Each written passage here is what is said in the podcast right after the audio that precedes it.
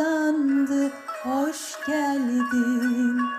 Ah ışıklar içinde kaldım. Yandım efendim. Ah ışıklar içinde kaldım. Yandım efendim.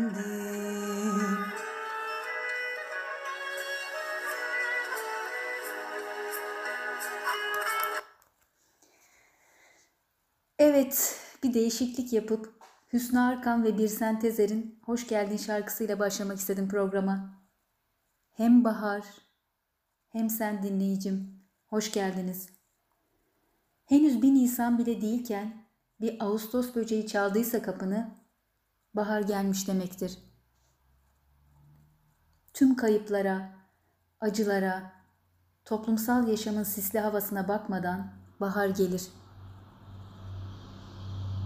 Gelir ve sana bir küçük umut verir. İşte yeni bir sabahın içindesin. Bazen sebepsizce aynı köşeden izlediğin gün ben yeniyim der sana ısrarla. Bu bir duygudur her şeyden önce. Gelincikler kendiliğinden bitivermiştir yeşilin içinde. Baharda tohumlar gözlerin yakalayamadığı saklı bir zamanda uçuşurlar. Çiçek tozlarına bulanmış arılar ve kelebekler çoğalıverir birden. Beyaz bir kelebek, rüzgarın telaşında savrulan ağaçların, güneşe teslim olmuş evlerin yüzlerinden ayrılıverir bir saniyeliğine.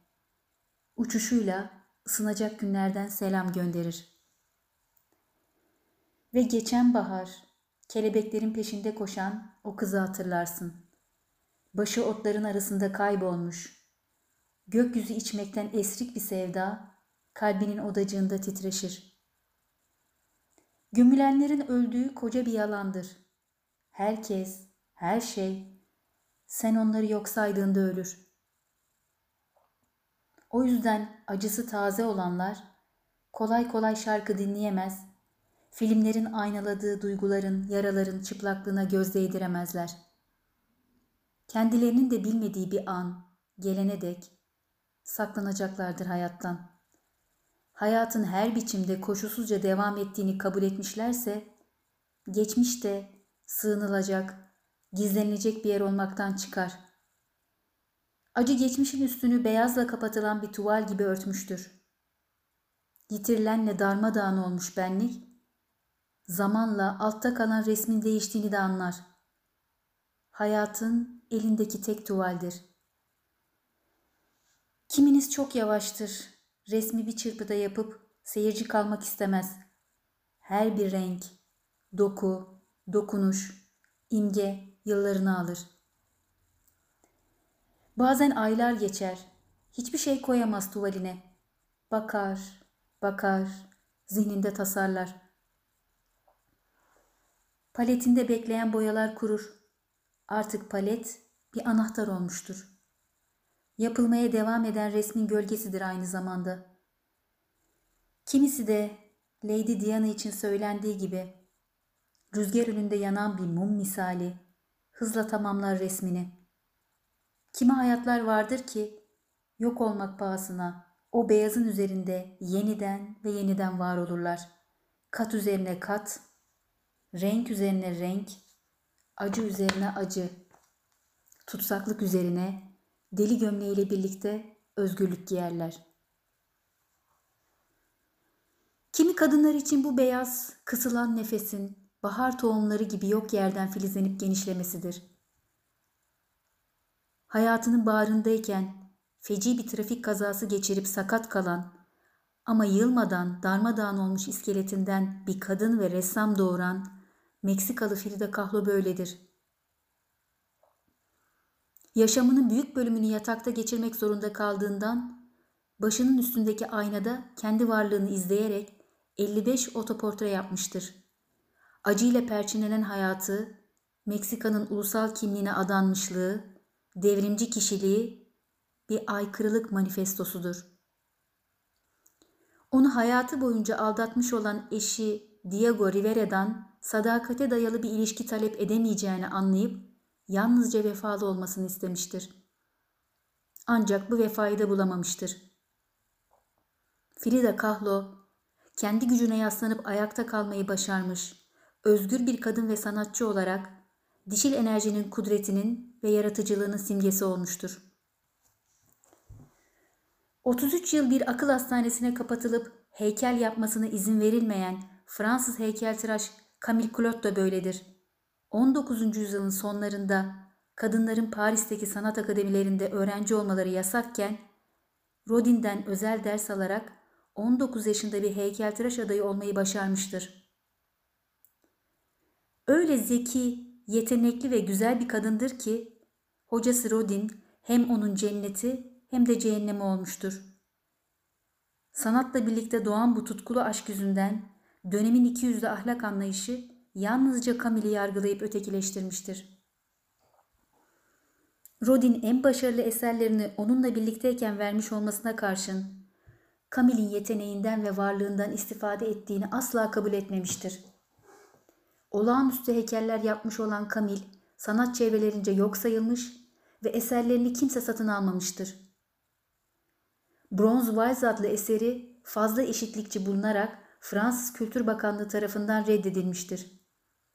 Kadının varlığı ile erkeğinkini sıra dışı bir denge ve uyum içinde veren bu yapıt, erkek egemen topluma çok korkutucu gelmiştir. Korku, hayranlıktan üstündür. Tıpkı bugün olduğu gibi, Kamil de tüm yaratıcı kadınlara verilen ceza ile susturulmuştur. Defterlerinden birinde şöyle demektedir.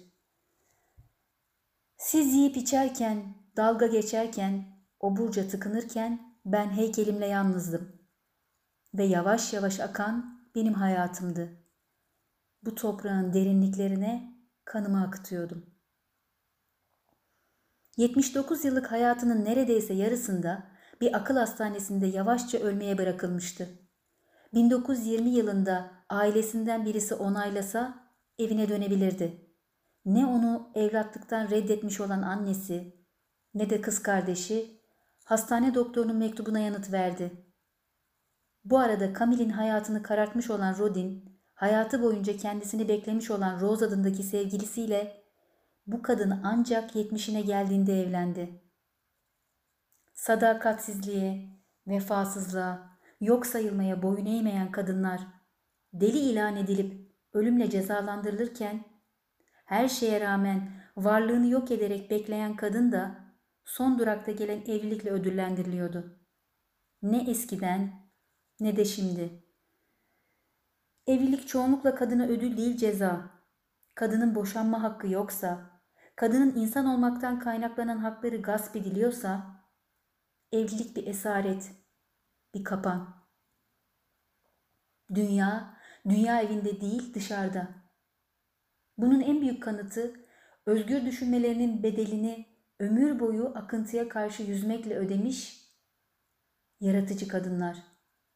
Kökleri, renkleri, cinsel tercihleri, ülkeleri ne olursa olsun dünya bu kadınlarla ve onların hikayeleriyle dolu. Geçtiğimiz hafta 21 Mart 2021'de 89 yaşında hayata veda eden Mısırlı feminist, yazar ve psikiyatrist Neval Es-Sadavi de bu cesur kadınlardan biri. Sıfır noktasındaki Kadın adlı romanı ile 1975 yılında feminist düşünceye serpilebileceği yeni bir rota verdi. Kadın sünnetini engellemek amacıyla yaptığı eylemler sonucunda hapse atıldı. 2014'te yayınlanan bir röportajında şöyle dedi. Kadınların ezilmesinin temelinde dini tutuculuk tarafından desteklenen evrensel postmodern kapitalist sistem yatıyor. Yani neymiş? Ne kadar büyük zorluğun altından kalkmışsın, kutlarım canım demekle olmuyormuş. Doktor hanım, siz de keşkeleri bırakıp elinizi taşın altına koysanız diyorum. Bir tane kırmızı sözde kadınların hayatını kurtarmak için söylensin. Sokak çocuğu Sadi'yi delikanlı yapmakla sokakların tekinsizliği azalmıyor. Soruyorum. Kadınları tecavüzle korkutmanın cezası kaç tane yedi yıl yedi günle ödenir? Her insan ölmeden önce binlerce kez öldürülmüş bu kadınların çığlığını, isyanını ama asla var olmaktan vazgeçmeyişlerini yüreğinde taşımadıktan sonra hiçbir toplum güneşi aydınlık günlerin üzerine çekemez. Hoşça kalın.